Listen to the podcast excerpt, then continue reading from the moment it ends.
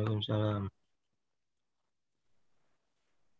Alhamdulillah nahmaduhu wa nasta'inuhu wa nastaghfiruh. Wa na'udzu billahi min syururi anfusina wa min sayyiati a'malina. May yahdihillahu fala mudhillalah wa may yudlil fala hadiyalah asyhadu an la ilaha illallah wahdahu la syarikalah wa asyhadu anna muhammadan abduhu wa rasuluh.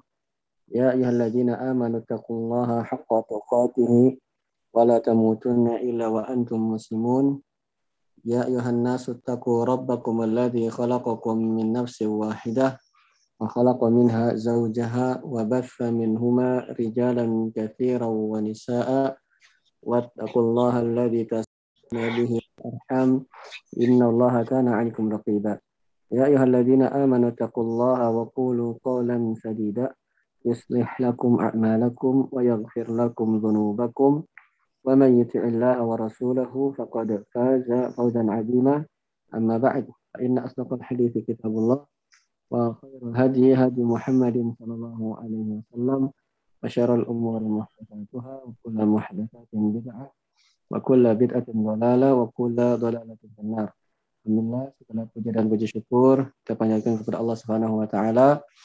Hari ini Allah masih bisa mempertemukan kita sama-sama untuk sedikit demi sedikit mempelajari agama kita, juga mempelajari bagian yang terpenting dalam agama kita yaitu tentang tauhid, yaitu tentang beribadah hanya kepada Allah Subhanahu wa taala saja.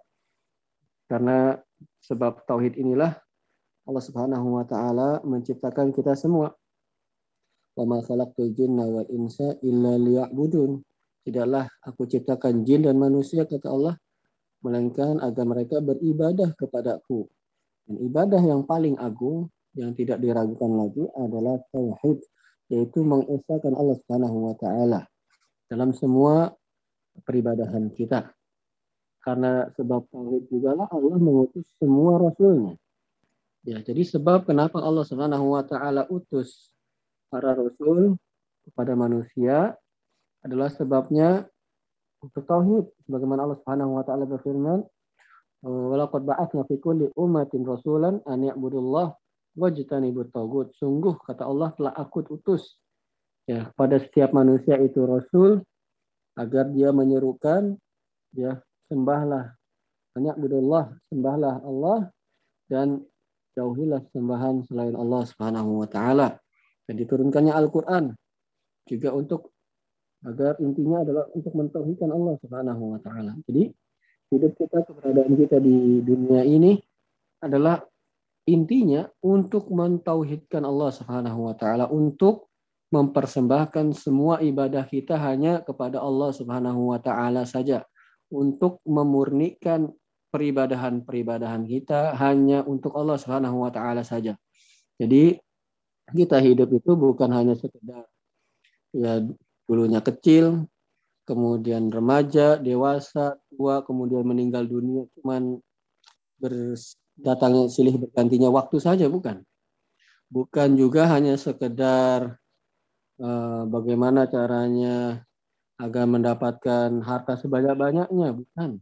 Tujuan utama kita bukan itu. Ya. Kemudian dan seterusnya.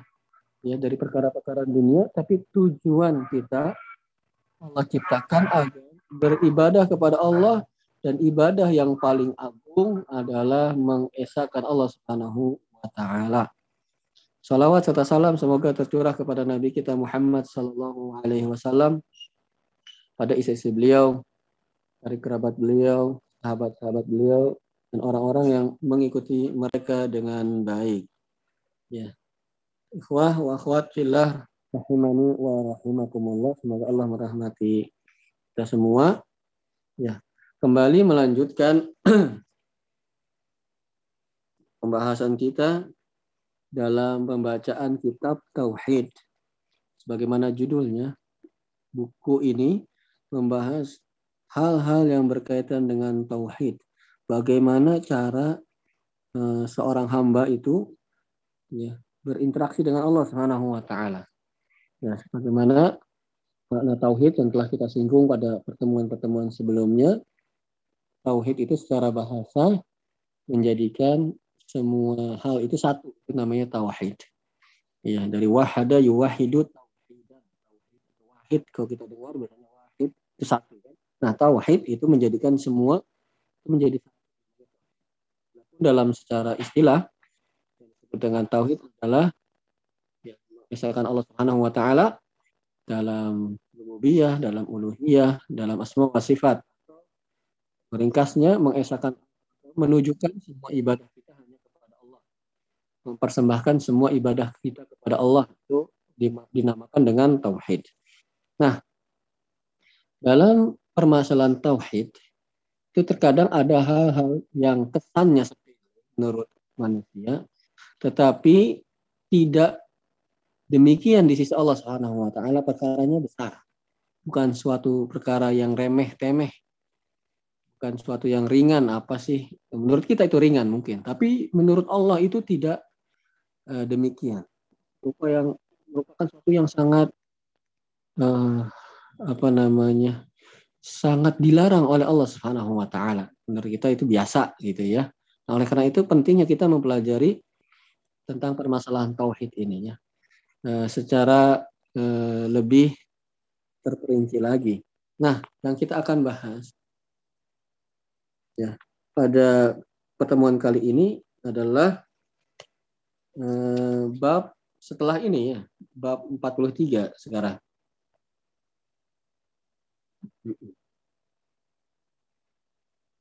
Ya.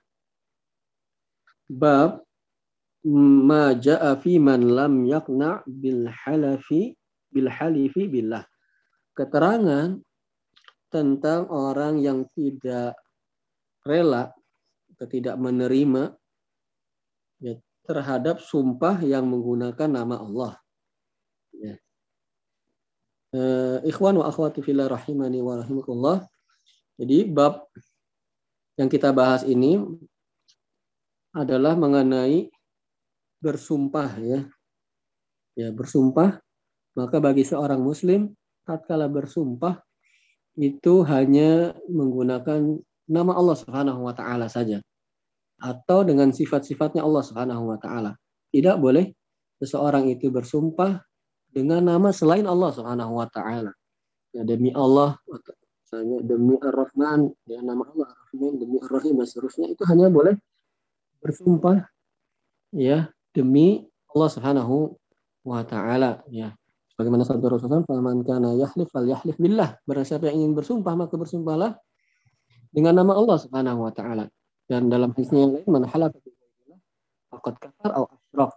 Barang siapa yang e, bersumpah dengan nama selain Allah atau dengan selain Allah, maka dia telah berbuat kekufuran dan berbuat atau berbuat kesyirikan.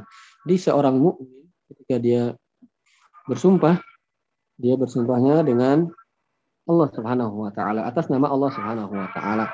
Dan tatkala ada orang yang bersumpah kepada kita dengan nama Allah Subhanahu wa taala, maka ya pada hukum asalnya ya, hukum asalnya adalah kita ridho dan menerima sumpahnya. Itu hukum asalnya. Nah, dalam bab ini penulis membawakan hadis ya. Sebuah hadis ya, yang hasan diriwayatkan oleh Ibnu Majah bahwasanya Ali bin Umar dari anaknya Umar, Umar bin Khattab memiliki anak. Ya, anaknya Umar yang dimaksud dengan Ibnu Umar di sini adalah namanya Abdullah. Nama beliau adalah Abdullah an Abdullah anaknya Umar gitu maksudnya. Umarnya Umar bin Khattab radhiyallahu anhu yaitu sahabat utama Nabi Shallallahu alaihi wasallam. Nah, ini anaknya dari putranya dan putranya juga termasuk sahabat Nabi Shallallahu alaihi wasallam. Juga telah kita bahas ya yang dimaksud dengan sahabat kalau kita masih ingat apa yang dimaksud dengan sahabat Nabi Shallallahu Alaihi Wasallam. Yang dimaksud dengan sahabat Nabi Shallallahu Alaihi Wasallam adalah mereka yang sezaman dengan Nabi, bertemu dengan Nabi, beriman kepada Nabi, dan meninggal dalam keimanan terhadap Nabi Shallallahu Alaihi Wasallam. Itu yang disebut dengan sahabat. Jadi sahabat Nabi Shallallahu Alaihi Wasallam adalah orang yang sezaman dengan beliau, ya bertemu dengan beliau, ya. Kemudian beriman kepada Nabi, maksudnya kepada Allah, ya yang dibawa oleh Nabi SAW dan meninggalnya pun dalam keimanan terhadap apa yang dibawa Nabi SAW itu dimaksud dengan istilah sahabat. Nah, Umar bin Khattab radhiyallahu adalah sahabat Nabi SAW yang tidak diragukan lagi, sahabat utama, khalifah kedua kaum muslimin setelah Abu Bakar As-Siddiq radhiyallahu dan beliau mempunyai anak namanya Abdullah. Nah, Abdullah bin Umar ini pun sahabat Nabi SAW. Nah, beliau meriwayatkan hadis ini. Anna Rasulullah sallallahu alaihi wasallam kala bahwasanya Rasulullah SAW bersabda, "La tahlifu bi abaikum." Janganlah kalian bersumpah atas nama nenek-nenek moyang kalian. Man halafa billah barang siapa yang bersumpah dengan nama Allah fal yasduq maka jujurlah. Wa man hulifa lahu billah dan barang siapa yang diberikan sumpah dengan nama Allah, fal yardha, maka ridolah. Wa man lam yardha, barang siapa yang tidak ridho, falaisa minallah, maka Allah Subhanahu wa taala berlepas diri darinya. Nah, jadi uh, ikhwan wa akhwati fillah rahimani wa rahimakumullah dalam uh, kasus ini yaitu bersumpah atas nama Allah dan orang yang beri sumpah itu ya dia harus uh, ridho harus rela, rela dengan apa yang disampaikan oleh orang yang bersumpah atas nama Allah Subhanahu wa taala kepadanya. Ya. Karena rela ridho dengan orang yang bersumpah atas nama Allah Subhanahu wa taala ya itu termasuk pengagungan kepada sesuatu yang dijadikan sumpahnya.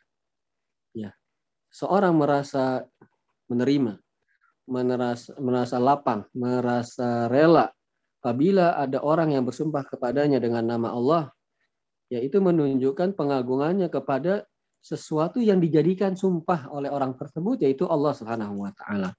Relanya dia menunjukkan pengagungannya dia kepada Allah Subhanahu wa taala karena orang yang yang yang bersumpah kepadanya itu mengatasnamakan Allah Subhanahu wa taala. Nah, ini menunjukkan bahwasanya ada unsur pengagungan. Kemudian ya ketika ada orang yang bersumpah kepada kita atas nama Allah Subhanahu wa taala, apakah eh, serta merta atau totalitas harus kita lapang, harus kita rela menerimanya 100% atau bagaimana? Nah, maka ikhwan wa akhwati rahimani wa rahmatullah, semoga Allah merahmati kita. Apabila ya orang yang bersumpah kepada kita atas nama Allah Subhanahu wa taala tersebut adalah orang yang memang terpercaya. Orang yang memang dia hmm, apa namanya? track recordnya bagus, baik. Ya. Orang yang jujur. Maka kita harus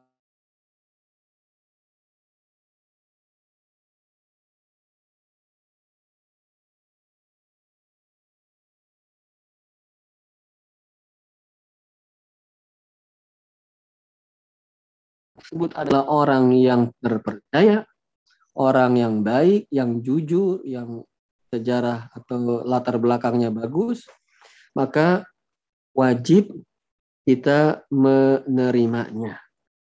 Ya.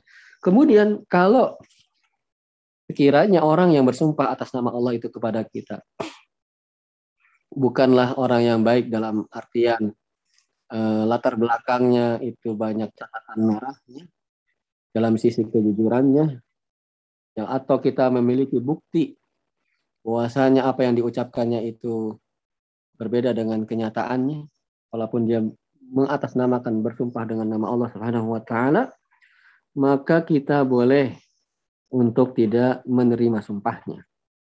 Karena kita memiliki bukti bahwasanya apa yang dia ucapkan itu tidak benar kemudian memang track recordnya orang ini yang bersumpah atas nama anak, eh, nama anak Allah ini itu bukan orang yang baik dalam sisi kejujurannya.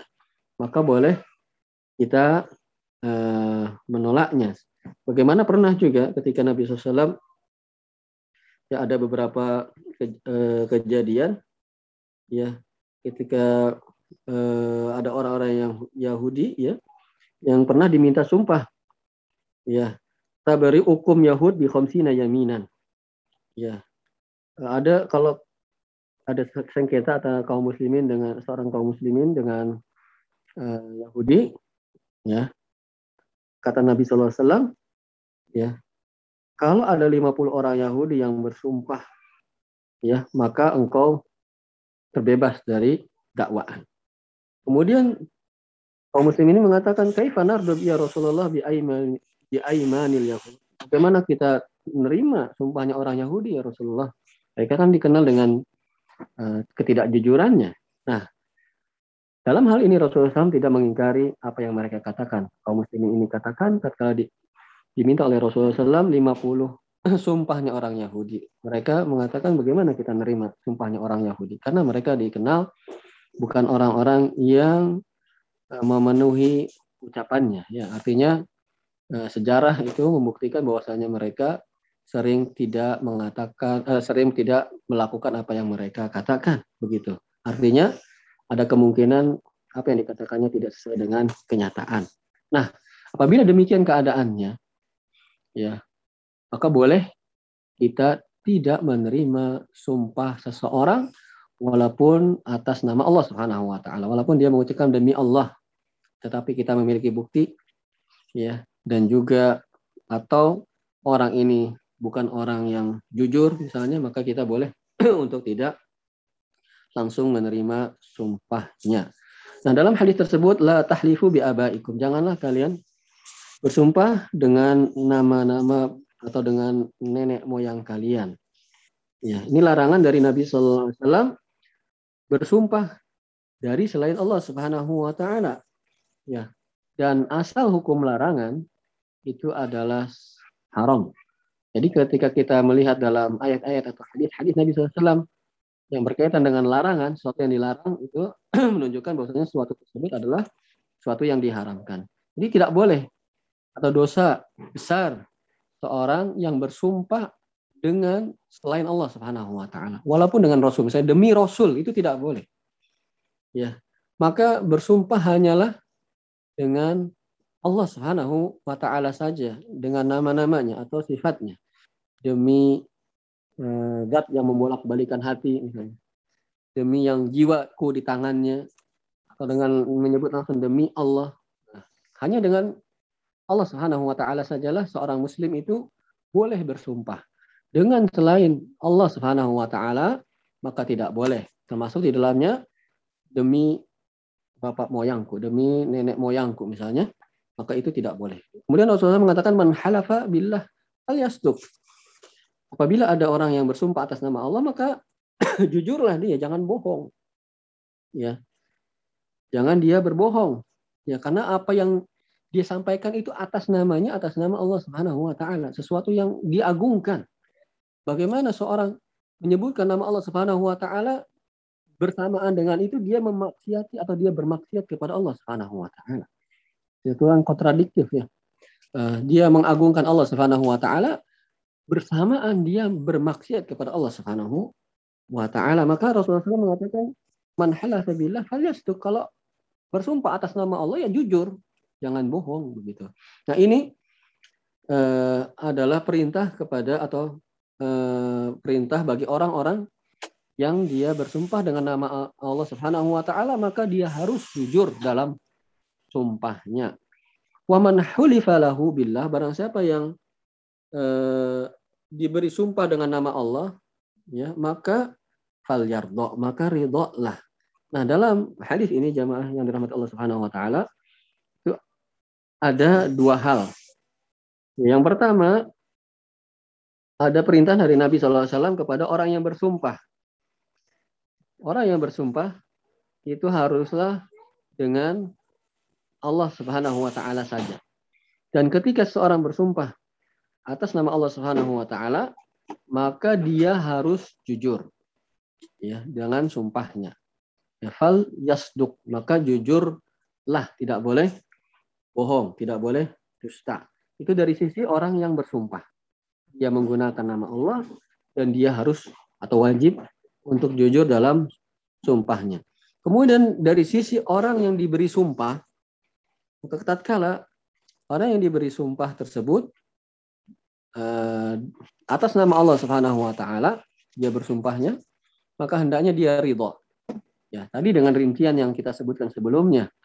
Apabila memang orang tersebut adalah orang yang terpercaya, orang yang jujur, artinya kebanyakan ya dari eh, latar belakangnya itu adalah orang yang tidak dikenal sebagai orang yang pendusta, maka fal yardo.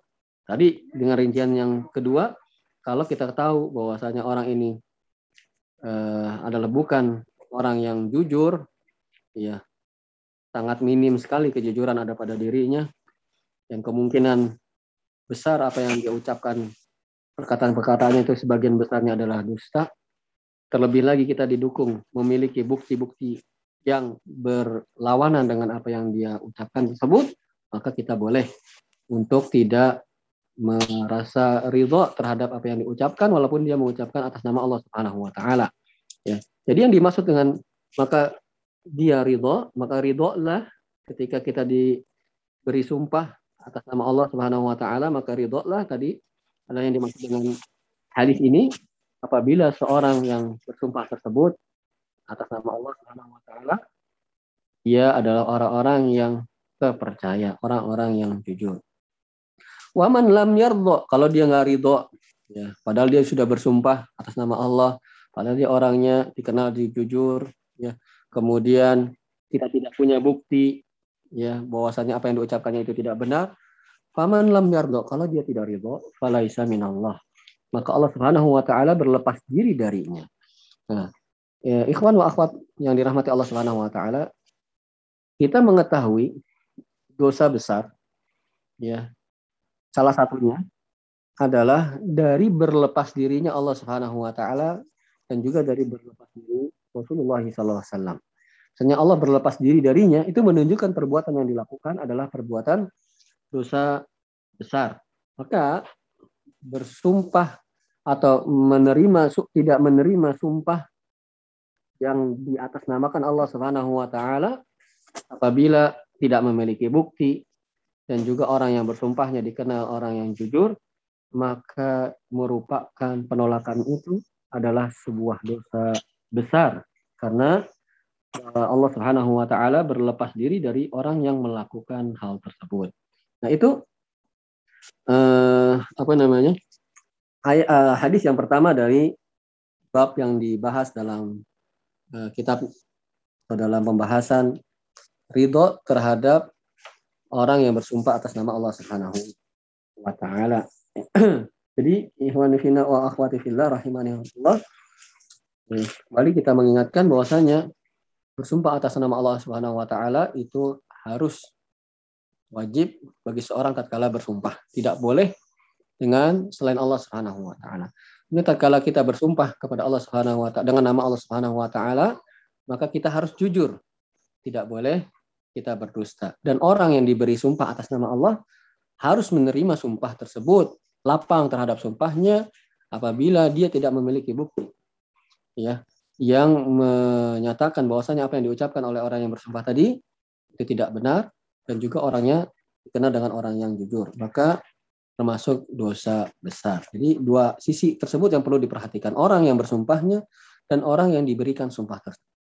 Orang yang bersumpahnya harus dengan nama Allah, dan harus jujur dan orang yang diberi sumpahnya uh, dia harus menerima kalau tidak ada tadi yang kita sebutkan hal-hal yang meragukan atas sumpahnya karena itu adalah bentuk pengagungan dia terhadap sesuatu yang dijadikan sumpahnya yaitu Allah Subhanahu wa taala. Baik. Kemudian bab ini sangat ringkas ya, cuman hanya memuat sebuah hadis saja. Dan bab selanjutnya masih berkaitan dengan uh, permasalahan tauhid. Dan ini kesannya adalah suatu yang biasa atau suatu yang tidak uh, tidak besar menurut sebagian orang. Padahal menurut Allah Subhanahu wa taala ini suatu yang perkara yang sangat besar yaitu bab tentang ucapan masya Allah wasyikta. Seorang mengucapkan atas kehendak Allah dan kehendakmu atau apa yang Allah inginkan dan juga apa yang engkau inginkan. Terserah apa yang Allah inginkan dan terserah apa yang engkau inginkan. Nah, ikhwan wa akhwat fillah rahimani wa rahimatullah. Ya, perkataan ini, ya perkataan terserah Allah dan engkau dan kamu misalnya. Bagaimana uh, Pak uh, mau yang mana ini misalnya? Ya terserah Allah dan atau kita mau bagaimana nih Pak? Ya terserah Allah dan terserah kamu deh. Nah, itu perkataan seperti itu saja. Ya ikhwan wa akhwat fillah rahimanallah. Itu kalau kita lihat dalam kacamata agama itu bukan permasalahan yang elek. Karena berkaitan dengan permasalahan mendasar dalam agama Islam yaitu permasalahan tauhid. Ya. Per perkataan seperti ini terserah Allah dan terserah kamu ya. Itu bisa uh, terbawa seseorang ke dalam syiriknya syirik akbar misalnya. Yang bisa mengeluarkan dia dari agama. Kalau dia berkeyakinan bahwasannya penggandengan antara selain Allah itu kamu itu itu sejajar dengan Allah Subhanahu wa taala. Berarti semua ini terjadi ya terserah Allah dan terserah kamu. Ya kamu dan Allah yang yang memutuskan. Ya nah itu apabila diyakini oleh seorang itu adalah sesuatu yang sangat besar. Sesuatu yang bisa menggugurkan tauhidnya. Sesuatu yang sangat bermasalah. Ya Ketika dia mengatakan terserah Allah dan terserah kamu, maksudnya perkara ini itu di bawah keinginan Allah dan juga kamu berdua, kamu dan Allah lah yang yang mengatur hal ini itu perkara yang sangat besar karena ada penyamaan Allah Subhanahu wa taala dengan selain Allah Subhanahu wa taala dalam memutuskan suatu perkara dalam mengatur suatu urat, suatu perkara. Ya. Dan apabila dimaksudkan bukan seperti itu, ya selain bahwasanya tidak saya tidak menyamakan ya eh, Allah dan kamu dalam hal mengatur segala sesuatu tidak atau mengatur suatu hal tidak. Itu hanya ucapan dari saya ya Allah yang ngatur. Tapi maksudnya Allah terserah Allah terus kamu juga eh, apa namanya terserah kamu begitu. Bukan berarti Allah dan kamu itu yang mengatur bukan. Nah kalau ucapannya seperti itu atau keyakinannya seperti itu maka seseorang terjatuh ke dalam syirik juga tapi syiriknya syirik akbar Ya. Di mana pun seorang eh, apa namanya berada dalam perkara ini, dia tetap terjatuh dalam kesyirikan. Hanya saja kesyirikannya itu bisa kesyirikannya akbar dan bisa atau kesyirikannya adalah kesyirikan akbar. Kalau seseorang meyakini bahwasanya suatu permasalahan itu di bawah ya kehendak di bawah keinginan Allah dan kamu artinya Allah dan kamu itu berdua lah yang mengatur urusan ini, maka itu adalah perkara yang besar. Perkara yang menjerumuskan seorang ke syirik akbar. Karena ya kita meyakini bahwasanya yang mengatur segala urusan itu hanya Allah Subhanahu wa taala saja. Ya, bahkan hal ini pun diakui oleh musyrikin di zaman Nabi Shallallahu alaihi wasallam ketika ditanya wa ma amr, siapakah yang mengatur urusan? Maka mereka mengatakan Allah. Nah, apabila seorang meyakini bahwasanya Allah dan selain Allah Subhanahu wa taala itu mengatur segala urusan atau mengatur urusan tertentu, maka seorang telah terjatuh dalam kesyirikannya syirik akbar. Ya. Apabila dia meyakini tidak meyakini demikian, hanya meyakini cuma lafaz saja, omongan saja, dia tapi meyakini Allah aja yang mengatur lah. Kamu mah ya maksudnya pas aja begitu dengan apa yang Allah. Nah, ini perkataan ini pun masih bermasalah. Itu dia menjadikan ke dalam syiriknya syirik asgor. Ya, perlu diperhatikan bagi yang uh, belum mengetahui bahwasanya syirik itu dibagi menjadi dua. Ada namanya syirik akbar atau istilahnya syirik besar. Ada syirik asgor, syirik kecil. Syirik akbar yaitu menyebabkan terhapusnya semua amalan. Semua amalan itu hapus gugur. Keislaman seorang itu gugur, hilang. Ya dia keluar dari Islam. Syirik akbar konsekuensinya. Adapun syirik asgor tidak mengeluarkan seorang dari agama Islam. Ya, hanya dia melakukan dosa yang sangat besar. Ya, maksiat yang paling maksiat, dosa yang paling pol ya derajatnya nomor satu adalah kesyirikan. Ya, walaupun dia adalah syirik kecil. Tadi bedanya hanya saja syirik akbar itu mengeluarkan pelakunya dari Islam, adapun syirik akbar tidak mengeluarkan pelakunya dari Islam. Dan dosa kesyirikan itu adalah dosa yang tidak diampuni oleh Allah Subhanahu wa taala kalau pelakunya belum bertobat selama hidupnya.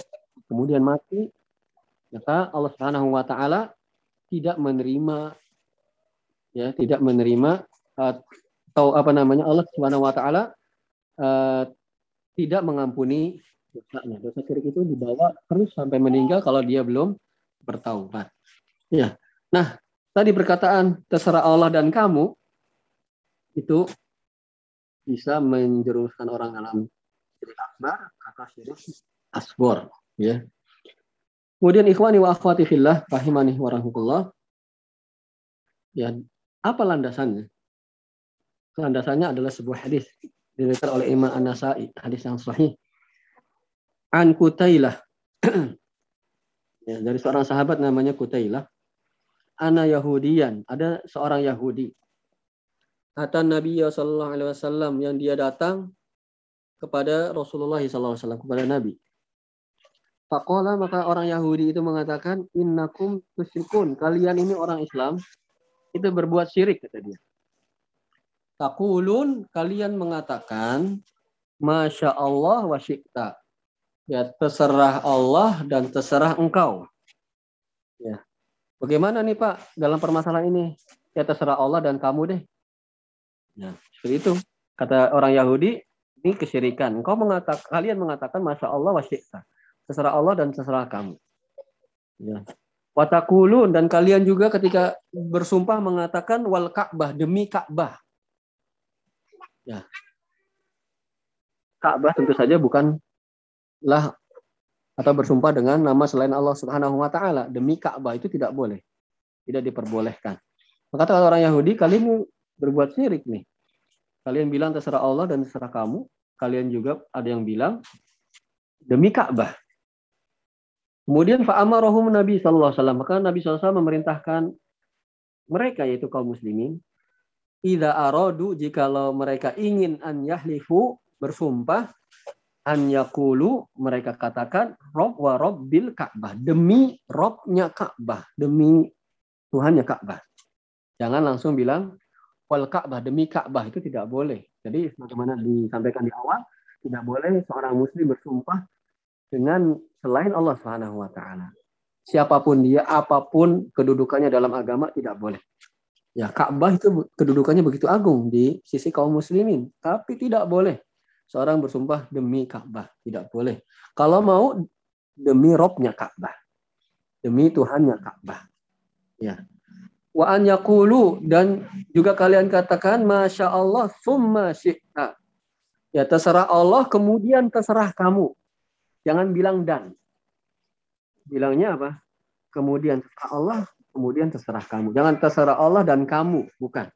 Ya kata Nabi Shallallahu Alaihi Wasallam. nah, eh, saudara-saudaraku yang dirahmati Allah Subhanahu Wa Taala dalam hadis ini tadi dikisahkan bahwasanya Yahudi pernah datang kepada Nabi SAW Yahudi itu adalah penamaan dari sebuah kaum yang diambil ya terambil dari eh, sebabnya adalah di antaranya surat Al-A'raf ayat 156 ya sebab mereka dinamakan Yahudi. Ya. Inna hudna ilaik. Kami kembali kepadamu ya Allah ya orang yang Yahudi adalah orang-orang dulu di zamannya Bani di zamannya Nabi Musa alaihissalam Ya, mereka adalah pengikut Nabi Musa alaihissalam. Ya inna hudna ilaik kami ya kembali kepada padamu. Ini dinamakan Yahudi. Atau sebab penamaan Yahudi dikarenakan bapak moyang mereka atau nenek moyang mereka ada yang bernama Yahuda. Yahuda bin Yakub. Nah, dari situlah mereka dinamakan Yahudi. Nah, orang Yahudi pernah datang kepada Nabi SAW mengatakan, kalian orang Islam ini berbuat syirik. Kalian bilang terserah Allah dan terserah kamu. Ya. Ini ada unsur penyamaan Allah Subhanahu wa taala dengan selain Allah. Terserah Allah dan kamu. Tadi kita bahas seolah-olah bahwasanya eh, apa namanya urusan tertentu itu itu dikembalikan kepada Allah dan juga kepada selain Allah Subhanahu wa taala. Dan dalam kasus kita ini engkau atau kamu seakan-akan dua pihak inilah yang punya andil dalam menentukan, memutuskan, mengatur suatu perkara. Maka ini tidak boleh sampai-sampai begini saja ucapan seperti ini saja itu bermasalah dalam agama Islam karena mengandung unsur penyamaan walaupun secara tidak sengaja. Ada unsur penyamaan antara Allah Subhanahu wa taala dengan selain Allah Subhanahu wa taala. Nah, agama ini menutup semua peluang menuju penyamaan Allah Subhanahu wa taala, penyetaraan Allah Subhanahu wa taala dengan selain Allah Subhanahu wa taala. Semua eh, peluang untuk menuju hal itu ditutup oleh syariat Islam. Oleh karena itu perkataan segini saja itu adalah dilarang oleh Nabi Shallallahu alaihi wasallam. Ya, tidak boleh seorang muslim mengatakan terserah Allah dan serah kamu deh. Itu tidak boleh. Karena ada unsur penyamaan Allah Subhanahu wa taala dengan selain Allah Subhanahu wa taala baik sengaja ataupun tidak. Maka dilarang oleh syariat. Jadi semua hal yang mendorong kepada hal-hal yang dilarang oleh syariat ini semuanya itu ditutup. Ya, ditutup peluang-peluang yang memungkinkan seseorang melakukan hal-hal yang dilarang oleh agama sekecil mungkin. Contohnya ucapan ini. Walaupun hanya ucapan yang ringan kesannya, tapi ditutup oleh syariat karena ada konsekuensi di balik ucapannya. Kemudian ikhwani wa akhwati fillah rahimani wa rahikullah.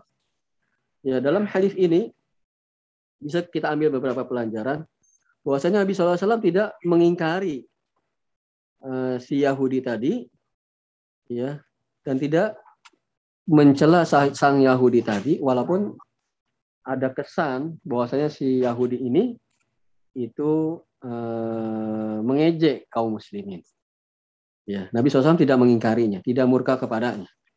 Ya, walaupun kesannya si Yahudi ini ada unsur ejekan. Katanya orang Islam, nggak syirik kok kalian itu ngomong terserah Allah dan terserah. Tidak semuanya ya, ada yang mengucapkan demikian. Ya, kemudian kalian kalau sumpah bilangnya Ka'bah, ada yang bilang Ka'bah demi Ka'bah begitu. Nah, Rasulullah tidak mengingkari si Yahudi tadi yang mengatakan tersebut. Ini menunjukkan apa? Ikhwan wa akhwat rahimahullah bahwasanya disyariatkannya ya diambil dari hadis ini juga disyariatkannya kembali kepada kebenaran. Ya, walaupun orang yang menyampaikannya bukan orang ahli kebenaran. Ya, sebagaimana Nabi SAW menerima kebenaran dari seorang Yahudi tadi.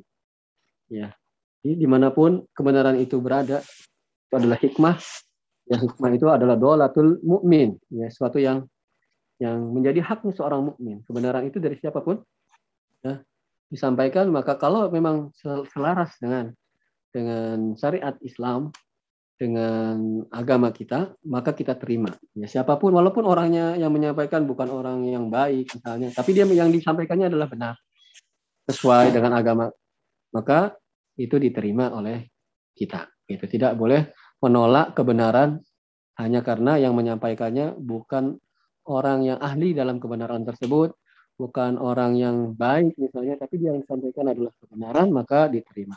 Dan itu pun terjadi, ya bahkan ya Nabi Shallallahu Alaihi Wasallam dalam sebuah hadis yang panjang diriwayatkan oleh Imam Bukhari ya tentang kisahnya Abu Hurairah ya yang bertemu dengan setan ya dengan, dengan jin ya ketika uh, Rasulullah SAW me, menugaskan Abi Hurairah untuk menjaga zakat ya zakat pada bulan Ramadan pernah Abi Hurairah radhiyallahu anhu didatangi oleh seseorang yang mencuri ya mencuri harta zakat tersebut ya.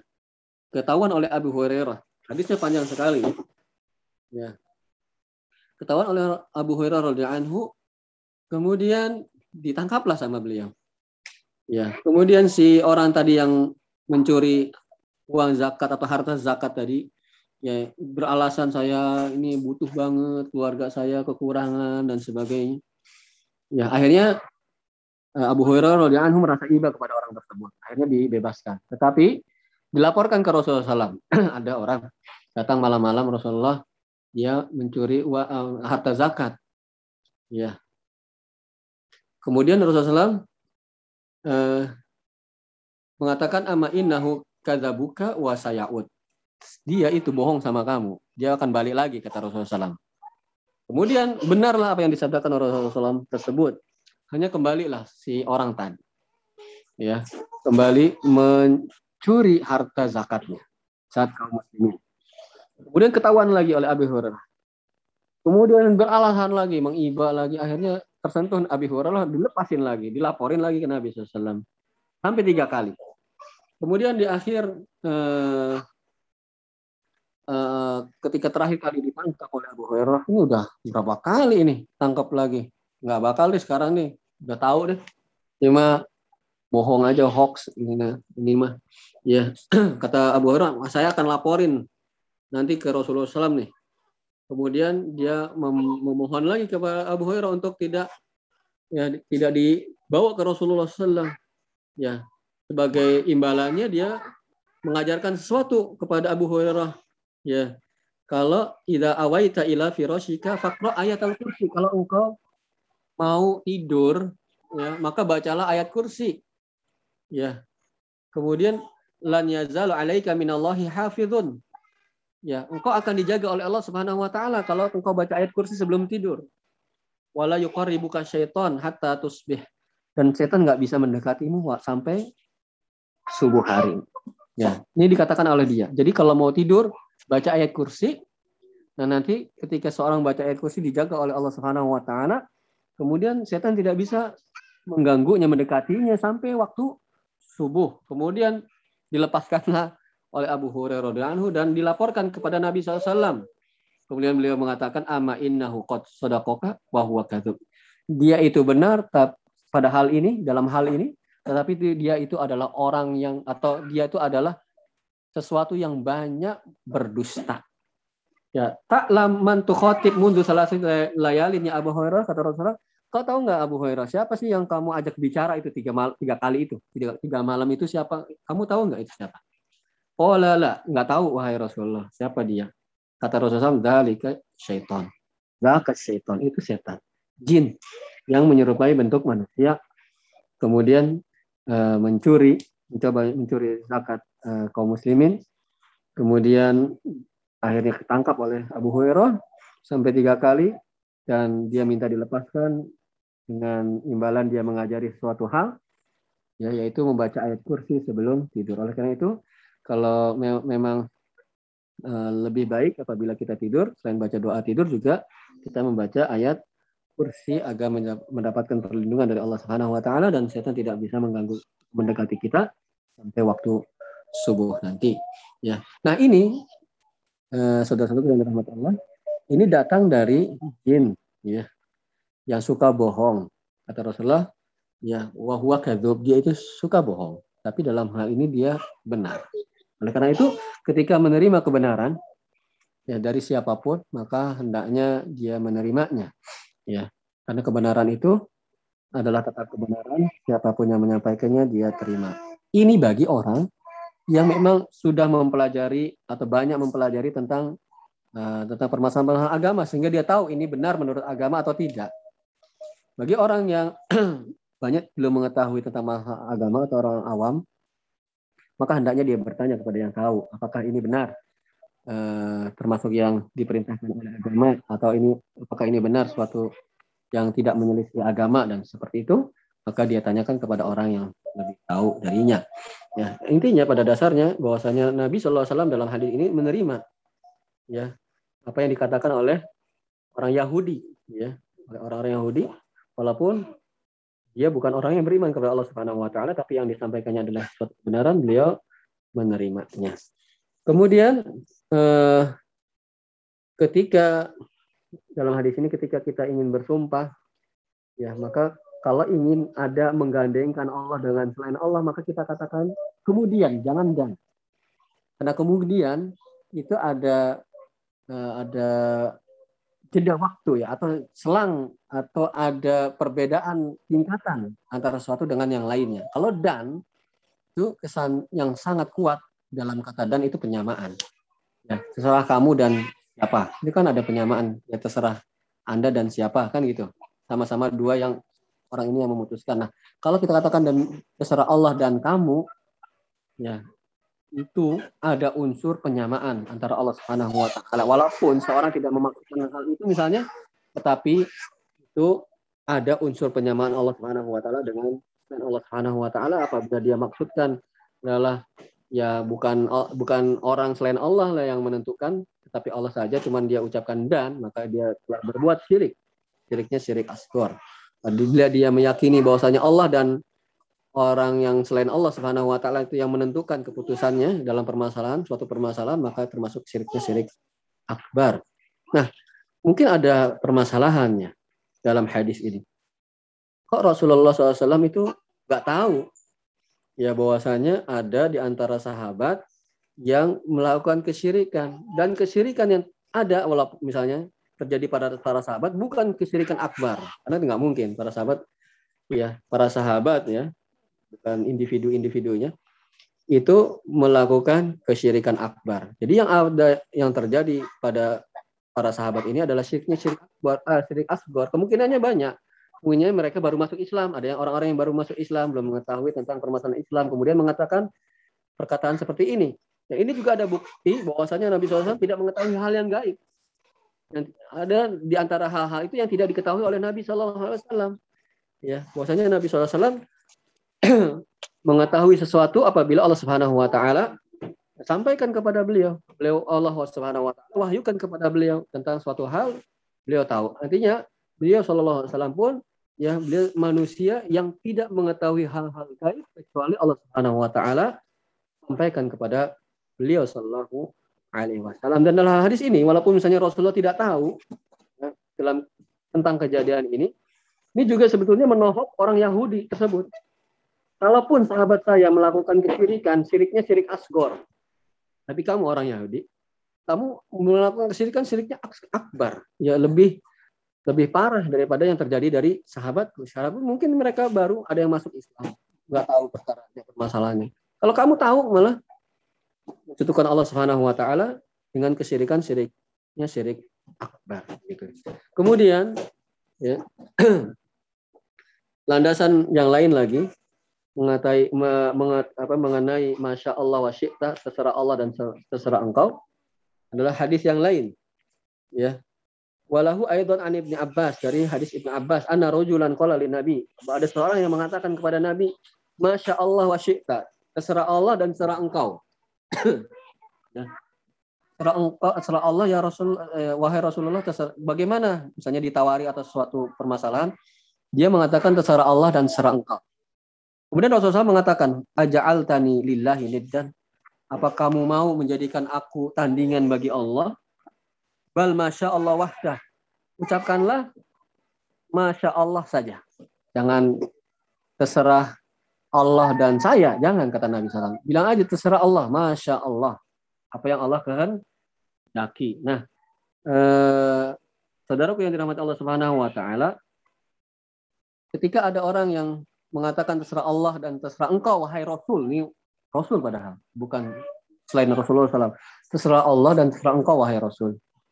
Ya. Rasulullah kemudian mengingkarinya. Apakah kamu ingin menjadikan aku tandingan bagi Allah Subhanahu wa taala? Ya. Kalau mau katakan masya Allah, terserah Allah saja. Ya, jangan bawa terserah Allah dan kamu atau kalau mau menggandengkan dengan selain Allah maka kita katakan terserah Allah kemudian terserah kamu baru karena di sana ada berbeda tingkatan ya ada unsur mengakhirkan tingkatan yang kedua dari yang pertama. Kalau dan itu penyamaan antara dua hal yang disandingkan. Kalau kemudian itu tidak sama. Kemudian ada ke jeda, ada selang, ada perbedaan tingkatan dengan yang sebelumnya. Nah, kalau mau mengatakan ya terserah Allah saja atau masya Allah. Atau kalau mau digandengkan dengan selain Allah bilangnya kemudian. Masya Allah, summa. Kalau bahasa Arabnya pakai summa. Summa syi'ta. Terserah Allah, kemudian terserah kamu.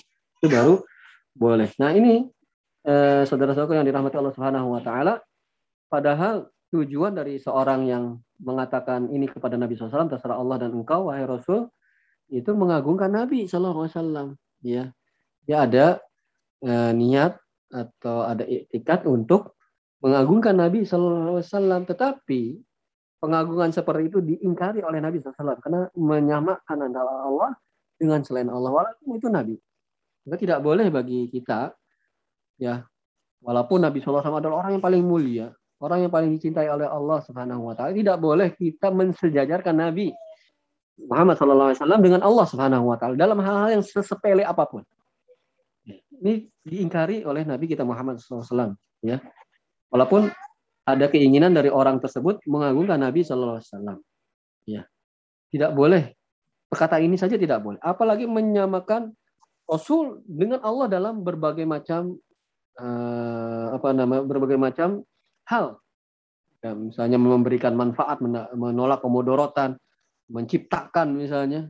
Tidak, tidak boleh. Hal yang ucapan seperti ini aja tidak boleh, apalagi yang lebih besar dari ini. Apalagi menyamakan antara selain Nabi dengan Allah Subhanahu wa taala. Bahwasanya meyakini ada selain Allah yang mengatur urusan sehingga dia meminta kepada suatu tersebut, wahai ini tolonglah saya pada orang yang sudah meninggal misalnya.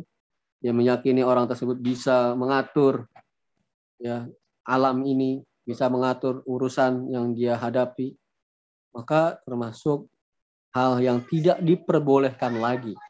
Jangankan itu, menyamakan Allah dengan Rasulnya dengan dan saja tidak boleh. Apalagi menyamakan Allah dengan selain Rasulullah SAW dalam hal yang merupakan kekhususan Allah Subhanahu wa taala. Berdoa kepada selain Allah Subhanahu wa taala, meminta kepada selain Allah Subhanahu wa taala itu termasuk hal yang besar dalam agama kita. Walaupun ucapannya apa sih masalahnya bilang gitu saja, tapi di sisi Allah Subhanahu wa taala bukan hal yang sepele. Hal yang sangat besar yang termasuk kesyirikan. Kemudian dalam hadis tersebut juga ada faedah atau hmm, yang bisa kita pelajaran yang bisa kita petik bahwasanya eh, ada disyariatkannya inkarul munkar mengingkari kemungkaran. Nah, ini adalah bentuk kemungkaran yang dikatakan oleh seseorang. Kemudian Nabi SAW tidak diam. Beliau mengingkari kemungkaran tersebut dengan pertanyaan aja'al tani lillahi dan kamu mau menjadikan saya tandingan bagi Allah. Kemudian beliau mengatakan membenari atau memberikan hal yang benar, mengarahkan kepada suatu yang benar, tapi katakanlah masya Allah saja. Katakanlah hanya masya Allah subhanahu wa taala saja. Nah, kemudian yang terakhir Wal Majah dari hadis Ibnu Majah an akhi Aisyah li umiha dari Tufail saudaranya Aisyah dari pihak ibunya Ra'aitu ka'anni ataitu ala nafarin minal yahud. Dia pernah bermimpi. Melihat dirinya dalam mimpi tersebut. Pergi kepada nafarin minal yahud. Ya. Nafar, kata nafar dalam bahasa Arab itu, itu, itu adalah jumlah 3 sampai 9. Ya, sekelompok kalau diterjemahkan mungkin sekelompok. Tapi kelompoknya itu 3 sampai 9 itu disebut nafar. Nah, tufail ya Roda Anhu ini pernah datang kepada sekitar itu jumlah seorang Yahudi yang sekitar 3 sampai 9 orang. Kultu aku kau mengatakan kata Tufail, innakum la antumul qaum. Ya. Engkau sungguhnya engkau adalah sungguhnya kalian adalah sebaik-baiknya kaum. Laula annakum taqulun seandainya kalian tidak mengatakan Uzair ibnullah. Uzair adalah anaknya Allah Uzair itu adalah nama seorang solih. Ya nama orang soleh di eh, apa namanya ketika hidup di eh, zamannya orang-orang Yahudi. Ya orang solehnya itu kemudian diakui sebagai anaknya Allah Subhanahu Wa Taala. Itu sikap berlebihan berlebih-lebihan orang-orang Yahudi terhadap orang-orang soleh di antara mereka sampai mengangkatnya anak Allah Subhanahu Wa Taala. Padahal Allah Subhanahu Wa Taala tidak memiliki anak lam yalid walam yulad. Tidak memiliki tidak melahirkan dan tidak juga memiliki anak ya. Nah kaum muslimin tentu saja tidak boleh berlebih-lebihan terhadap orang-orang soleh di antara mereka ya. Tidak boleh mendudukan orang-orang soleh di atas kedudukan yang seharusnya bagi mereka. Bahkan ada yang mendudukkan setaraf dengan Allah Subhanahu wa taala. Bisa menghilangkan mudorot bisa mendatangkan manfaat dan sebagainya ya. Naudzubillah itu tidak diperbolehkan. Ya. Dan itu adalah salah satu kebiasaan orang-orang sebelum Islam. Contohnya orang Yahudi. Yang mengatakan Uzair, orang soleh di antara mereka, Ibnullah yang sudah meninggal itu adalah anaknya Allah. Qalu wa, wa antum la antumul qaum. dan kata mereka orang Yahudi, engkau juga adalah sebaik-baiknya kaum. Laula annakum taqulun seandainya kalian tidak mengatakan masya Allah wa sya'a Muhammad. Apa yang Allah kehendaki yang di, dan juga yang dikehendaki oleh Muhammad kata mereka. Kalian ada yang mengatakan begitu tuh. Ya, terserah Allah dan terserah Muhammad kata mereka. Kemudian summa maratu binafar minan nasara. Kemudian aku ketika di dalam mimpi itu ya mendatangi lagi segolongan orang Nasrani dari 3 sampai 9 orang. Fakul tuh aku mengatakan innakum la antumul kaum. Kalian adalah sebaik-baiknya kaum. Lau la annakum taqulun seandainya kalian tidak mengatakan al-masih ibnullah. Al-masih adalah anaknya Allah Subhanahu wa taala. Kalian adalah sebaik-baiknya kaum kalau kalian tidak katakan itu. Ya. Ini juga berbeleh-belehannya eh, orang-orang Nasrani terhadap orang soleh di antara mereka, nabi mereka. Mengangkat apa? Al-Masih ada yang mengangkat sebagai Dulu bahkan ada yang mengatakan adalah Allah Subhanahu wa taala Al-Masih. Ada mengatakan Al-Masih itu anaknya Allah Subhanahu wa taala. Ada dikatakan Nabi Isa Al-Masih. Al-Masih itu artinya mengusap ya, karena beliau pernah diberi salah satu ke mukjizat yang beliau miliki adalah menghidupkan orang yang mati dengan izin Allah.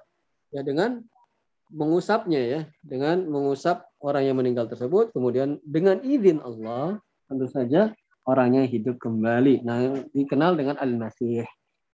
Nah, Al-Masih itu perlu diketahui sebagai informasi ada Al-Masih yaitu Nabi Isa alaihissalam dan juga ada Al-Masih Dajjal. Al-Masih Dajjal juga ada Dajjal itu ya disebut dengan Al-Masih. Tapi berbeda kasusnya dengan Nabi Isa. Kalau Nabi Isa menghidupkan orang yang meninggal, kalau Al-Masihnya Dajjal disebut Al-Masih juga.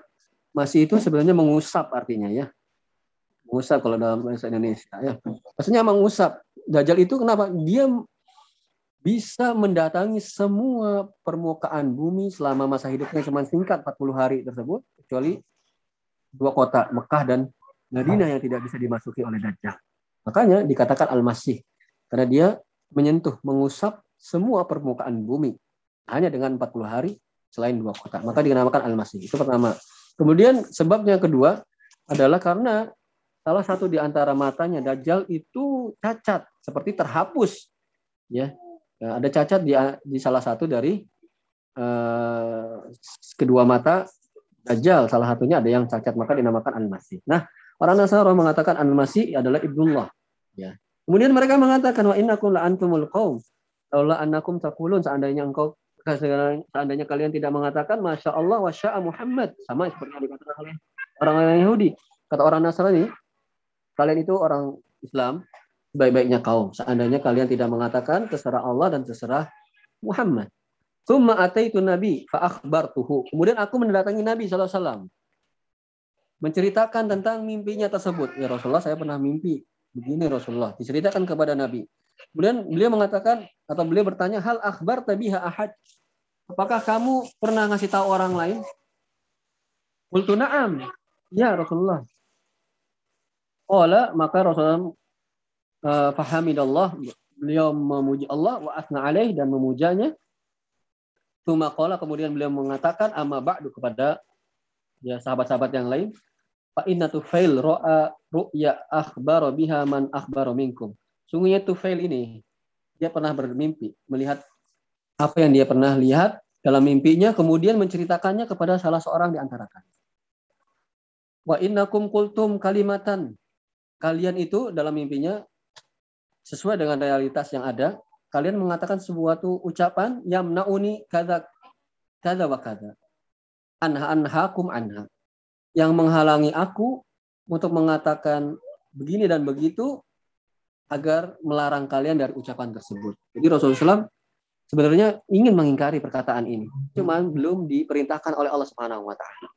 Jadi ada di antara sahabatnya mengatakan terserah Allah dan terserah Rasulullah. Sebenarnya ingin Rasulullah mengingkari ini hanya saja ketika itu belum turun perintah dari Allah Subhanahu wa taala untuk melarangnya. Kemudian akhirnya turun maka beliau mengatakan fala taqulu, maka janganlah kalian mengatakan masya Allah wa sya'a Muhammad. Terserah Allah dan terserah Muhammad walakin kulu masya Allah wahdah. Tetapi katakanlah terserah Allah Subhanahu wa taala saja. Apa yang Allah Subhanahu wa taala kendaki saja. Ya, jadi uh, saudara-saudaraku yang dirahmati Allah Subhanahu wa taala, ada suatu ucapan atau perbuatan yang menurut kita sepele. Ya, sekali lagi bahwasanya menurut syariat, menurut Allah Subhanahu wa taala itu bukan permasalahan yang sepele. Hanya perkataan terserah Allah dan kamu apa sih masalahnya menurut sebagian orang, ternyata itu bermasalah dan itu dilarang dan itu dosa besar. Ya. Dan termasuk dosanya nggak tanggung-tanggung adalah dosa kesyirikan. Ya, bisa akbar, bisa askor, tergantung tadi rinciannya.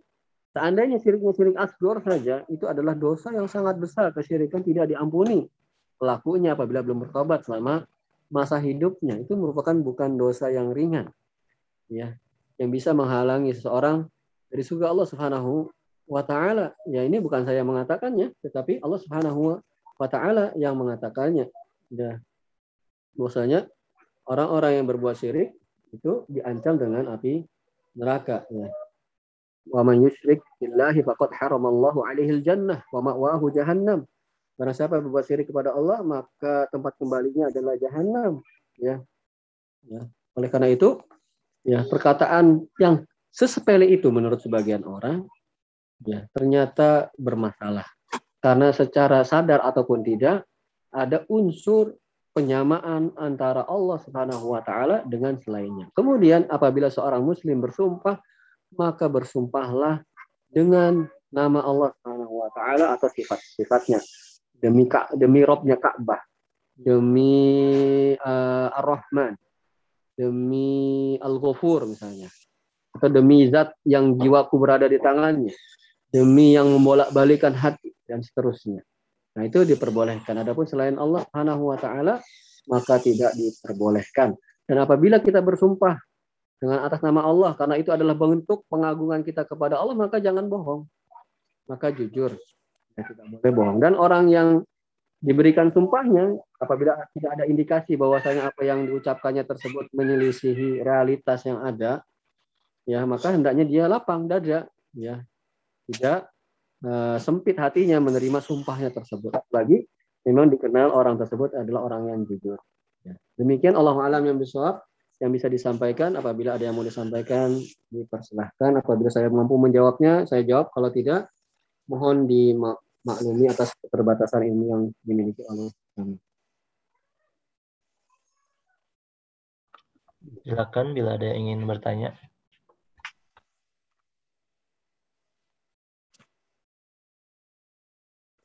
Allah jelas ya. Jadi ketika kita bersumpah harus dengan nama Allah Subhanahu Tidak boleh selain nama Allah Subhanahu wa taala dan kita harus jujur. Tidak boleh dem, apa namanya ucapan juga kemudian ada ucapan terserah Allah dan terserah kamu. Terserah Allah dan terserah Bapak. Ya walaupun kesannya eh, baik ada nama ada nama-nama Allahnya ternyata itu ada unsur penyetaraan antara Allah dan selain Allah Subhanahu wa taala secara sadar ataupun tidak begitu. Kalau tidak ada yang disampaikan, mungkin kita cukupkan sampai di sini dulu saudara-saudaraku yang dirahmati Allah. Mudah-mudahan terus kita bisa mempelajari tentang tauhid ini karena ada bagian-bagian yang tauhid menurut kita itu bukan hal yang besar. Ternyata itu merusak tauhid kita atau mengurangi kesempurnaan dari tauhid seseorang. Oleh karena itu, hendaknya seorang itu terus mempelajari bagaimana caranya dia beribadah kepada Allah Subhanahu wa taala karena menuntut ilmu itu, menuntut ilmu agama adalah sesuatu yang diwajibkan oleh syariat kita tolabul ilmi fardhatun ala muslim. Menuntut ilmu itu adalah wajib bagi setiap muslim, terutama ilmu yang berkaitan dengan mengenal Allah Subhanahu wa taala. Mengenal zat yang menciptakan kita. Mengenal atau mengetahui apa yang diinginkan oleh Allah Subhanahu wa taala kepada kita agar kita beribadah hanya kepada Allah Subhanahu wa taala saja. Allahu a'lam. Biswab, semoga bermanfaat. Ya, mudah-mudahan Allah Subhanahu wa taala memudahkan kita dalam mempelajari agama dan mengamalkannya. Subhanakallahumma wa bihamdika asyhadu an la ilaha illa anta astaghfiruka wa atubu ilaik. Assalamualaikum warahmatullahi wabarakatuh.